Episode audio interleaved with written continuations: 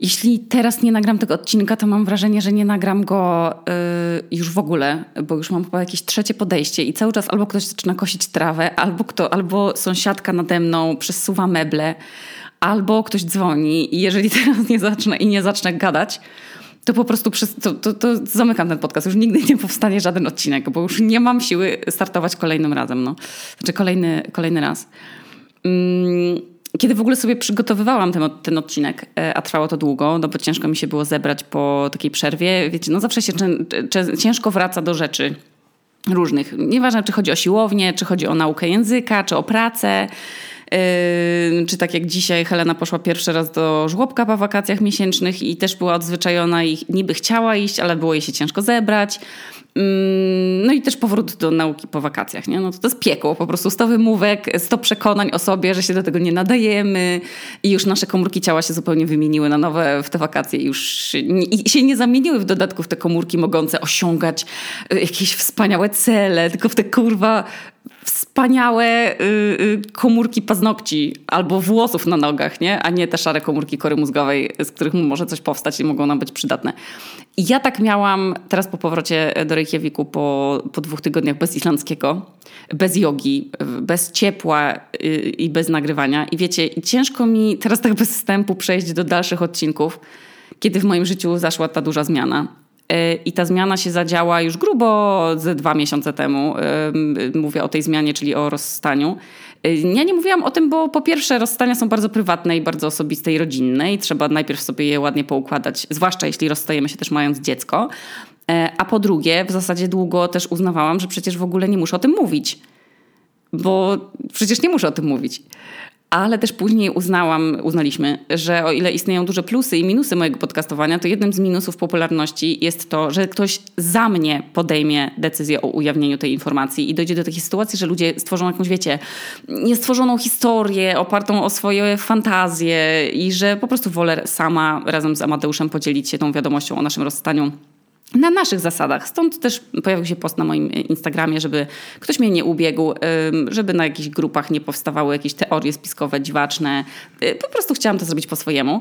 Y, no niestety, jak patrzy na ciebie ileś tysięcy ludzi, to, to mogłaby powstać w ogóle ileś tysięcy plotek. A też nie chciałam, żeby każdy z nas przez długi czas musiało na przykład odpowiadać na pytanie, o, a tutaj ktoś się może pod siebie podszywa gdzieś w internecie, na jakimś tam portalu, albo o, widziałam Asię z kimś innym, czy cokolwiek, nie? Wiecie, po prostu czysta higiena i organizacja nowego życia. I nasze rozstanie jest rozstaniem po 8 latach. I mamy to szczęście, że bardzo się szanujemy i nie wydarzyło się nic, co by to zmieniło. Nie było żadnej zdrady, nie wiem, przemocy. W zasadzie, gdyby te w ogóle rozstania były jak zwolnienia z pracy, to bym mu napisała gigantyczne rekomendacje, że to jest złota osoba i cieszę się, że, yy, że spędziliśmy razem te 8 lat. Ale wraz z dorastaniem i z odkrywaniem, kim tak naprawdę jesteśmy i czego szukamy i jak sobie wyobrażamy przyszłość, wraz z czasem potrafimy zdać sobie sprawę z tego, że nasze wizje nie są już spójne z różnymi ludźmi, albo że nie jesteśmy w stanie dać drugiej osobie tego, czego by chciała, bo na przykład się to nie skleja z naszą wizją marzeń i naszej przyszłości, albo na przykład się ludzie rozstają mimo miłości, no bo jedna osoba bardzo chce mieć dzieci, a druga definitywnie nie chce mieć nigdy dzieci. I wiecie, ile związków, tyle powodów rozstania i nie będę tu opowiadać y, i, i też nigdy nie będę się nad tym rozwodzić, jak było u nas akurat, ale decyzja, którą podjęłam, już teraz wiem, że była bardzo dobra i potrafimy być z Heleną bez żadnej spiny i spędzać czas w trójkę w fajny, zdrowy sposób i po prostu jako jej rodzice ale mieć już swoje osobne życia i nadal sobie dopingować i trzymać za, za siebie kciuki. No bo czasem po prostu może zanikać relacja między ludźmi jakaś miłosna, romantyczna, a przyjacielska nadal istnieć. I to też jest okej. Okay. Ale dziś nie o tym. Dziś o zmianach, które prowadzą nas do tych dużych decyzji. Bo to nigdy nie jest tak, że duże decyzje, yy, wiecie, podejmuje. Znaczy, chyba, nigdy. Ja w życiu już chyba muszę się oduczyć i za każdym razem będę mieć taką bransoletkę, która jak mówię nigdy, to mnie razi prądem. Ale no, nie jest chyba tak, że duże decyzje podejmujemy w afekcie zazwyczaj. Nie? Rzadko się zdarza, że wcześniej o nich nie myślimy i nie rozmawiamy o nich w ogóle ze sobą w głowie i one nam do tej głowy nie przychodzą. Na przykład moja emigracja. To, y, to nie było tak, że któregoś dnia, żyjąc sobie w komforcie, postanowiłam, że wszystko zmieniam, bo przecież, wiecie, gdyby mi było dobrze i moje życie było spójne z tą pracą, z tym, jak chciałabym żyć, to mój układ nerwowy wcale nie dawałby mi znać, że, że chodzę zestresowana i myśli mi błądzą po innych opcjach życia, że zaczynam nienawidzić swojej pracy i wchodzenia do biura, że Warszawa i polityka w tamtym momencie wcale nie sprzyjały mojemu komfortowi życia. I wtedy też mi się wydawało, że z pisem u władzy zupełnie nie będzie życia. Tak, bo to były same początki.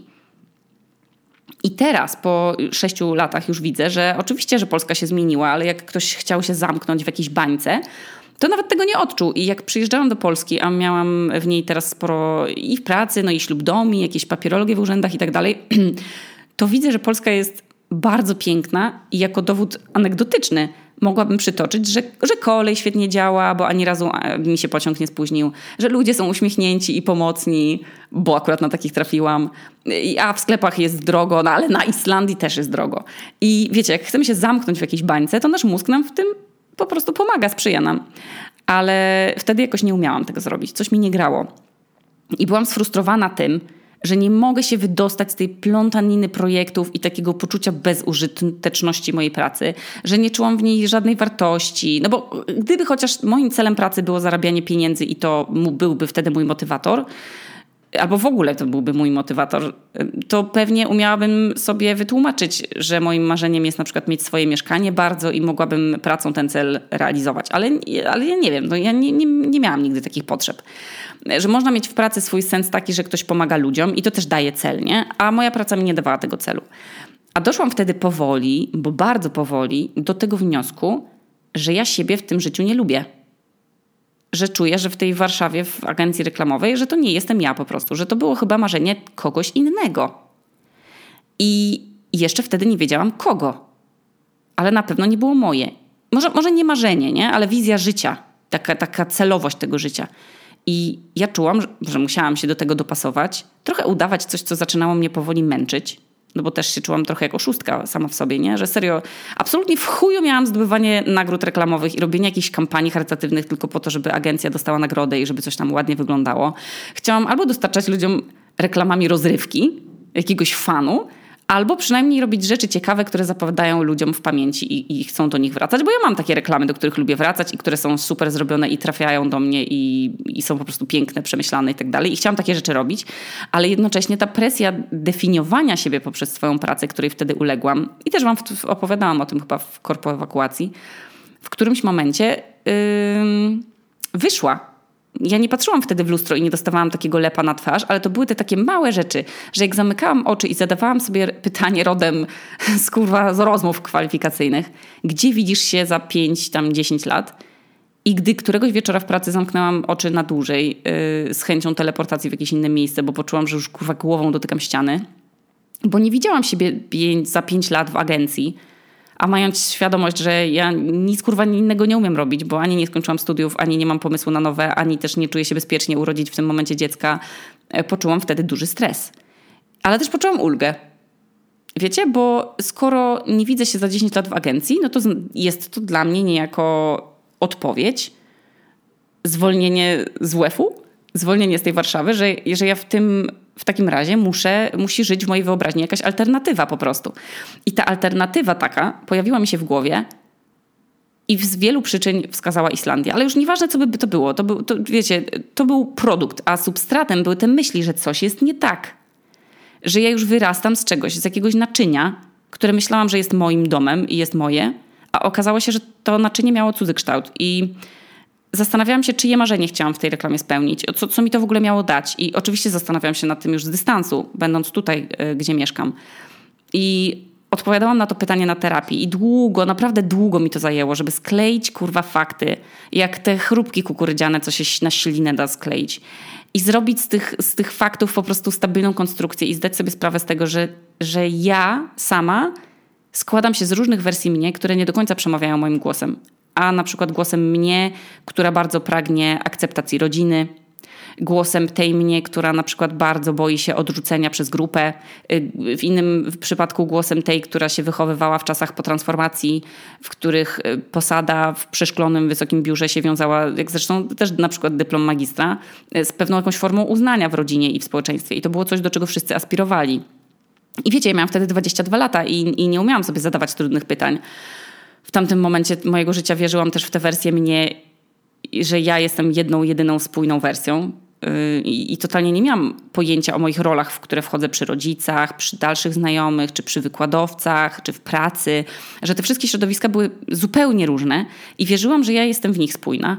A dopiero na terapii y, i tu, mieszkając na Islandii, znalazłam chyba w sobie taką gotowość zaprzestania, po pierwsze, idealizowania mojego życia, co jeszcze robiłam na początku tego podcastu. I jak włączam te stare podcasty, mam takie, orzesz kurwa, jak, jak pięknie mogłam sobie zromantyzować tragiczne rzeczy w mojej biografii, albo nie mówić o nich y, wprost, albo po prostu jeszcze trochę sobie je tak pudrować i tak trochę, wiecie, posypywać je brokatem i mówić, że to po prostu, że to było super, mimo tego, że jakby w brzuchu czułam, że to nie było coś okej.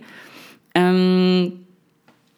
I zajęło mi to naprawdę dużo, żeby się poczuć gotowa, tak przestać i, i, i tego, tej idealizacji życia i wzięcia po prostu go, całego życia razem z tym mrokiem, który zresztą w trakcie nagrywania tego podcastu też zaczęłam odsłaniać. I na przykład zaprzestanie romantyzowania swojego dzieciństwa, które nie było, wiecie, na wskrość patologiczne i dramatyczne i traumatyczne i w ogóle, no bo nie było ale zauważenie, że stawiam moich rodziców, którzy są przecież na Boga tylko ludźmi i też mieli prawo do popełniania błędów, że stawiam ich w roli bożków, zupełnie bez wad, czyli nadal jestem w tej, w tej wersji dziecka, nie jestem w stanie wyjść w, już w siebie jako dorosłego i uznać, że jesteśmy dorośli już teraz obie te strony, i ja i oni. I, ja nie muszę już wchodzić w rolę dziecka przy nich, tylko mogę być dorosłą. Mm, zajęło mi to masę czasu. Zajęło mi to masę czasu i mam wrażenie, dopiero kliknęło mi to może jakoś na początku tego roku. Wiecie, miałam takie, przez, takie, takie strzały myśli, i, ale było mi z nimi tak niekomfortowo, że nie umiałam ich przyjąć jako moich, tylko myślałam, że może są jakieś po prostu miksem różnych rzeczy, które przeczytałam, które usłyszałam na terapii. I dopiero po jakimś czasie sobie zdałam sprawę, że że, że pewne rzeczy są po prostu moje, że ja tak uważam. I gdy moi znajomi mi opowiadali o swoich terapiach i właśnie poruszali tematy rodziców, to ja miałam takie, uff, kurwa, dobrze, że u mnie to tylko, wiecie, w życiu depresja i chujowe poczucie własnej wartości i, i tam, nie wiem, kłótnie z siostrą, a nie rodzice, nie? Bo wydawało mi się to taką świętością, mm, której nie powinno się tykać. I też wydawało mi się, że moja depresja i chujowe poczucie własnej wartości przypłynęły mi jakoś w prezencie po prostu genetycznym, jako widok nieprawidłowej może podziału jakichś genów, czy wiecie, przypadkowa rzecz, nie?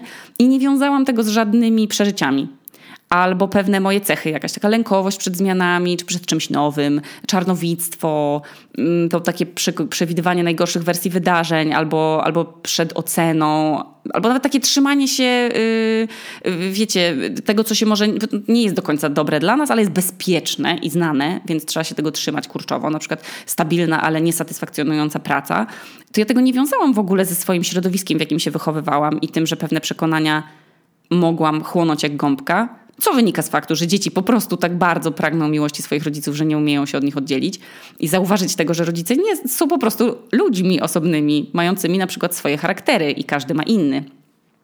I jak byłam dzieckiem w latach 90., to się nie mówiło o tym za dużo. A poza tym, czy pięcioletnia ja miałaby mieć taką świadomość, żeby to zrozumieć? No nie, no bo siedmioletnie dzieci czy pięcioletnie dzieci ufają, że ich rodzice są idealni, no bo to jest, wiecie, nasze wyposażenie po prostu yy, yy, ewolucyjne. Musimy się tak tych rodziców trzymać i uznawać ich za idealnych. I ja na maksa kocham moich rodziców i zrobili dobrą robotę, robotę wychowując mnie i szczęśliwie są jedynie jakieś kosmetyczne rzeczy, które musiałam przepracować. Mm, ale dużo, naprawdę dużo czasu zajęło mi jakby oddzielenie się od nich i, i ich charakterów czy przekonań z ich domu, żeby, żeby wiedzieć i akceptować, że to są ich rzeczy, nie moje, że ja nie muszę ich dziedziczyć, bo ja muszę usłyszeć swój własny głos, zobaczyć, jakie cechy są moje. I zauważenie, że no to, tak jak wiecie, jak ze Szreka, że składam się jak cebula z warstw, ale niektóre warstwy nie są w ogóle o mnie. Nie wiem, warstwa. Pff, lubienia wątróbki, nie? No to jest jakaś warstwa tego, że wasza mama robiła wątróbkę, a wy jedliście ją, żeby jej nie było smutno, bo jak było smutno, to się kłóciła z tatą, albo nie wiem, wymyślam teraz, zaczynała pić, nie? I nagle w dorosłości okazuje się, że tak naprawdę to jedliście tę wątróbkę i chodziliście do kościoła, albo poszliście na medycynę, bo to w was wrosło jako wasze. Ale w ogóle, nie, w ogóle to nie jest nasze. To jest po prostu to, to, to jest to, co wzięliśmy z naszych rodziców, czy z, w ogóle z domu, czy od babci, od dziadka, czy od starszej siostry. No więc kiedy ja zaczęłam zaglądać pod te warstwy swojej cebuli, a kochani, I'm just at the beginning, jestem jeszcze świeżakiem w tej kategorii, zaczęło się okazywać, że praca, którą najbardziej lubię, to jest praca przynosząca szybkie efekty. Najlepiej w ogóle w pojedynkę, nie w zespole, że święta to jest dla mnie coś innego niż dla mojej rodziny. Nagrałam przecież o tym też odcinek yy, Nowe definicje. Że dbanie o siebie oznacza dla mnie coś zupełnie innego niż 10 lat temu, kiedy się katowałam harmonogramem ćwiczeń na siłowni i jedzeniem zimnego jedzenia z pudełek, bo chciałam sobie coś udowodnić. Może, że wygląd jest czymś, co o mnie świadczy na przykład, albo czym yy, mogę sobie i, i, i innym coś udowodnić, że jestem solidna, systematyczna, jakaś wiecie, kurwa godna zaufania, ale na takiej warstwie trochę właśnie solidności, nie? że im więcej się pracuje, bo taka była moja definicja pracy, że tym to jest poważniejsze, że to właśnie dzięki tej ciężkiej pracy jest sukces, jak dużo zapierdalasz.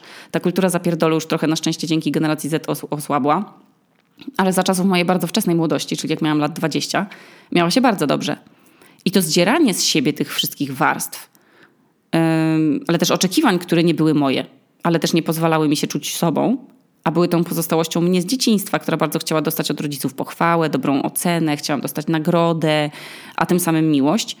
I być może moi rodzice mogli, mogli dużo częściej, albo wiecie, innym językiem po prostu, gdyby ich, naszych rodziców pokolenie ktoś tego nauczył, mogliby nam wtedy okazywać inaczej, że nas kochają. Ale takie były czasy. I czułam, że większość tej cebuli przekonań o mnie, o świecie i o tym wszystkim dookoła mnie były po to, żeby tę miłość poczuć.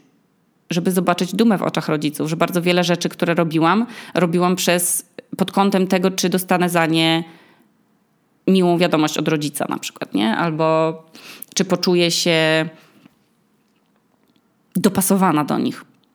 Mm, I teraz, jak już jestem pod koniec rozjebywania tego na terapii, a który to proces trwa nieustannie od kilku już lat, to wiem już, że moją rolą nie jest to, co myślałam, że jest moją misją. Nie wiem, zabieganie o wszystkich dookoła, lęk przed oceną, a więc dopasowywanie się do kogoś albo staranie się o uznanie czy sympatię ludzi, że to są cechy tego dziecka, którym byłam, nie tej dorosłej, którą, która musi już dbać nie tylko o siebie, tylko jeszcze o kogoś innego i najlepiej byłoby już teraz poznać, kim tak naprawdę jestem, a co jest moje, a co jest nie moje. Bo o kurwa, ile ja lat mogłam przeżyć w tej nieświadomości, gdybym się nie zagłębiła w to, co tak naprawdę jest moim głosem, a co jest echem po prostu. Czy ja naprawdę się boję próbować nowych rzeczy, czy nauczył mnie tego jakiś dorosły, że trzeba się bać? Czy naprawdę uważam, że jeśli się zarabia pieniądze w inny sposób niż praca na etacie, to jest to nieuczciwe, czy to gdzieś słyszałam?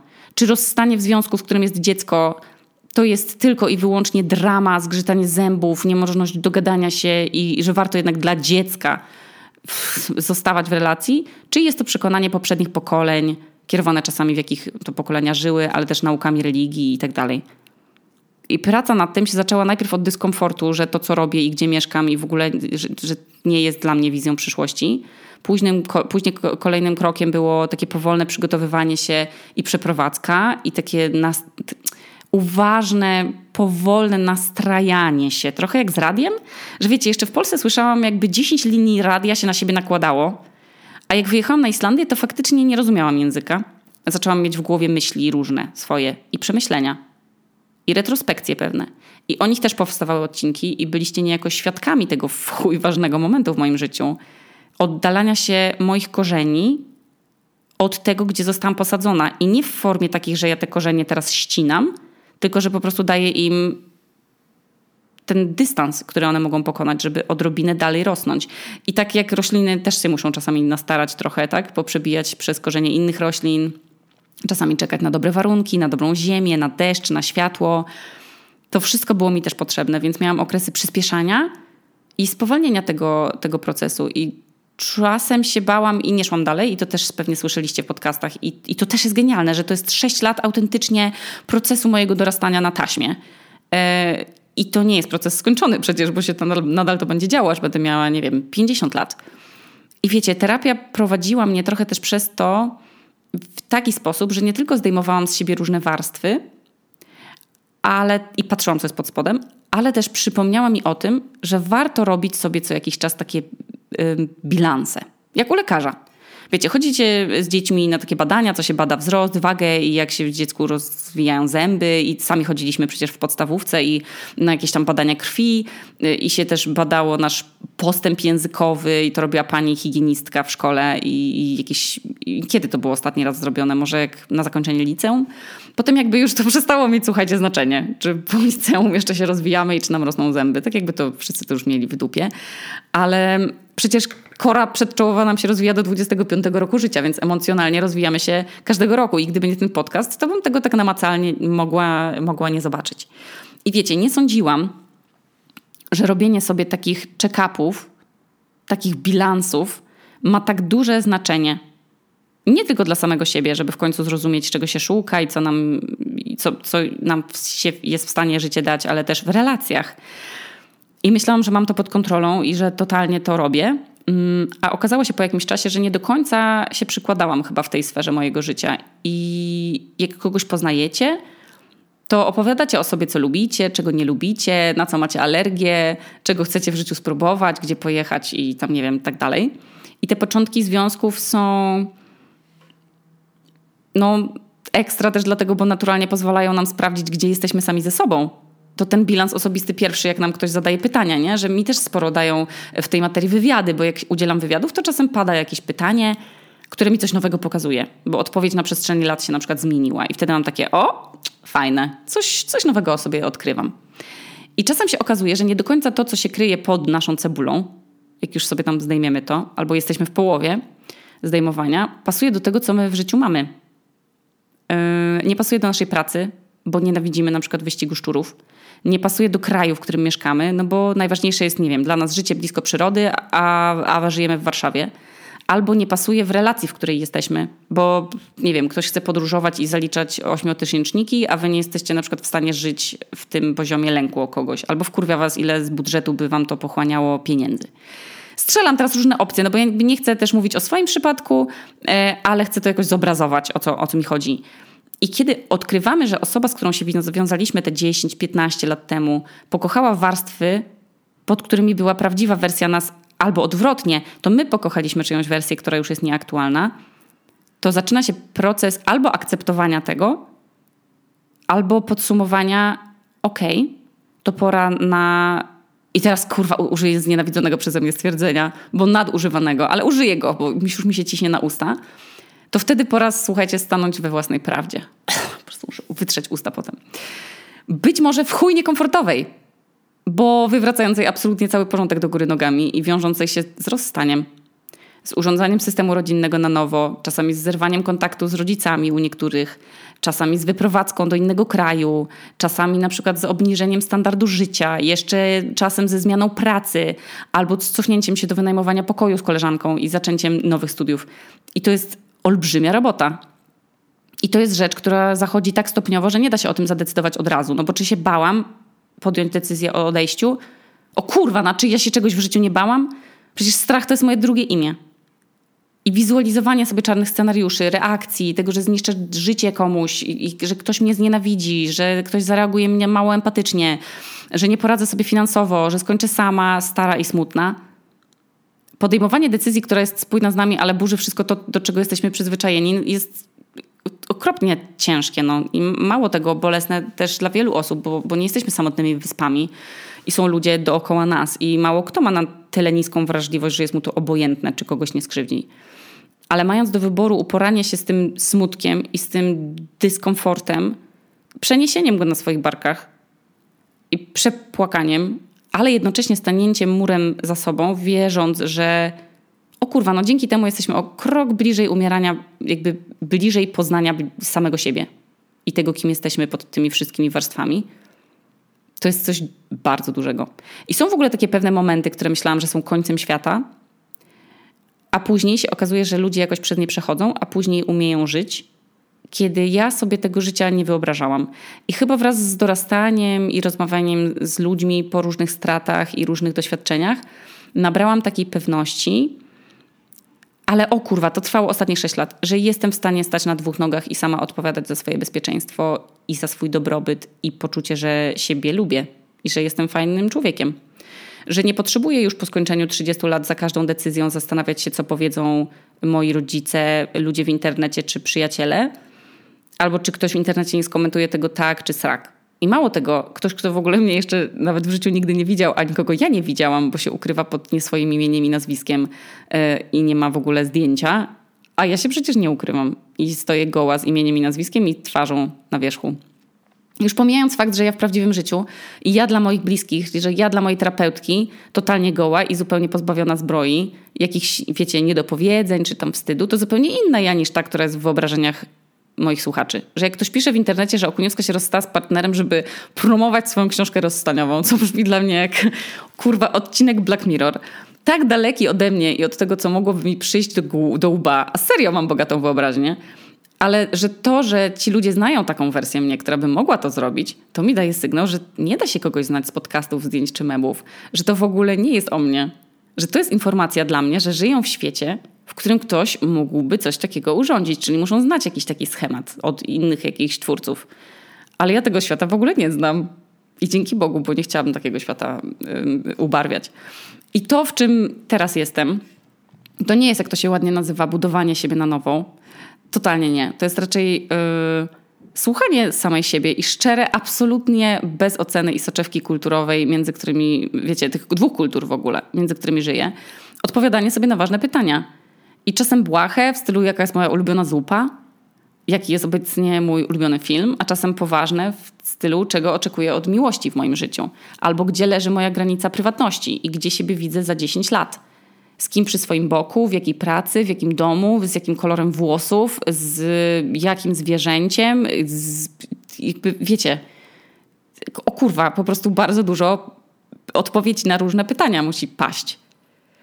I nie byłoby tego wszystkiego, gdybym nie poczuła, że siedzę na krześle z oparciem, a tym oparciem się stałam sama dla siebie.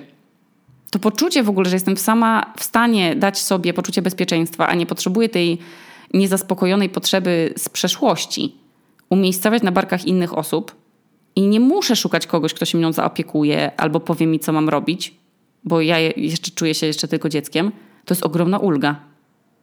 Że dopiero teraz, mając te 30 lat i po zakończeniu ośmioletniej relacji, mieszkając na tej wyspie, układając sobie dorosłe relacje z dorosłymi rodzicami, uświadomieniu sobie, że ci ludzie, którzy są w moim życiu od wielu, wielu lat, nie są w nim bez powodu, dopiero to dało mi poczucie, że jestem w stanie odpowiedzieć sobie szczerze na różne życiowe pytania i odpowiadać na nie bez lęku przed oceną, przed, oceną, przed odrzuceniem, z obawą, że gdzieś przestanę przynależeć i żyć w jakiejś normie i nie wiem, stanę się outsiderem. Jakby uświadomienie sobie, że przez te ostatnich sześć lat, kiedy pracuję nad sobą na terapii, że większość problemów jestem w stanie rozwiązać sama, bo w końcu zaczynam słyszeć swój głos. O kurwa, powiem wam, że to jest większa satysfakcja niż, nie wiem, lot w kosmos. Albo udowodnienie sobie, że umiemy przebiec 10 kilometrów bez zatrzymywania się. I to nie jest coś, co się wydarzyło jakoś ostatnio, bo te zmiany następowały stopniowo i krok po kroku, dziedzina po dziedzinie mojego życia. I jednocześnie mam w sobie te same podstawy. W sensie mam, czuję, że nie zmieniłam się na, na, mm, na tej na tym poziomie tego, kurwa już myślę w ogóle, przekrój wulkanu jakoś teraz widzę. Jak mówię o tym, to jakoś tak wizualizuję sobie przekrój wulkanu i że to jakby nie zmieniło się to, co się wydostaje z wulkanu, bo to są moje podstawy, które, które zawsze są. Ale jakby mój, moje, chyba przestałam się po prostu bać przyznawania się sobie przed sobą różnych, do, do różnych rzeczy. Mm, I też, no nie wiem, te, te, chyba po prostu te kolejne check-upy i kolejne bilanse i kolejne pytania, to nawet nie wiem, słuchajcie, jak, to, jak mam to teraz opisać, ale to się działo bardzo powoli i wiem, że z poukładaną, po prostu już taką uwspółcześnioną wersją każdego aspektu mojego życia, i rodzinnego, i przyjacielskiego, i związkowego, mm, czuję się bardziej sobą. Tak, jakby, tak jak mówię, że, że to naczynie, w którym jestem wlana ja, jest teraz moje. Czuję się w nim komfortowo. I jest to ekscytujące, że nie muszę udawać przed sobą, że coś we mnie gra, gdy czuję, że nie gra. O kurwa, przysięgam, na przykład nie mogę już patrzeć na konopersa po tych wszystkich latach. Zmieniłam się, no już nie chcę więcej jeść konopersa. Teraz wolę ketokersa z Hokkojpa, no takiego bez cukru, bo nie chcę mi się po nim spać. I te ostatnie kilka miesięcy mojego życia były chyba powolnym żegnaniem różnych rzeczy, ale też powitaniem innych chujstw, nie? No bo to nie jest tak, że ja teraz wyrzuciłam same wszystkie jakieś rzeczy, które mi nie służyły, albo które już były przedawnione, albo które już nie spełniały jakichś ról w moim życiu, nie dawały mi y, satysfakcji z siebie czy coś tam i zastąpiłam je super wgranymi, tylko pozytywnymi nowymi. No nie, no różne chujstwa się przydarzają nam po drodze. Na przykład zaczęłam ponownie palić papierosy, bo potrzebowałam odrobiny, wiecie, dramatyzmu.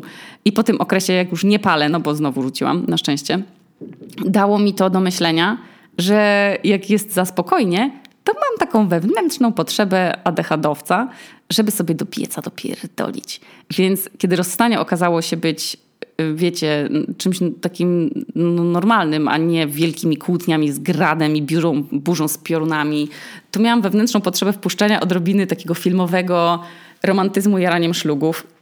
Yy, I może taki dramatyzm był mi trochę potrzebny.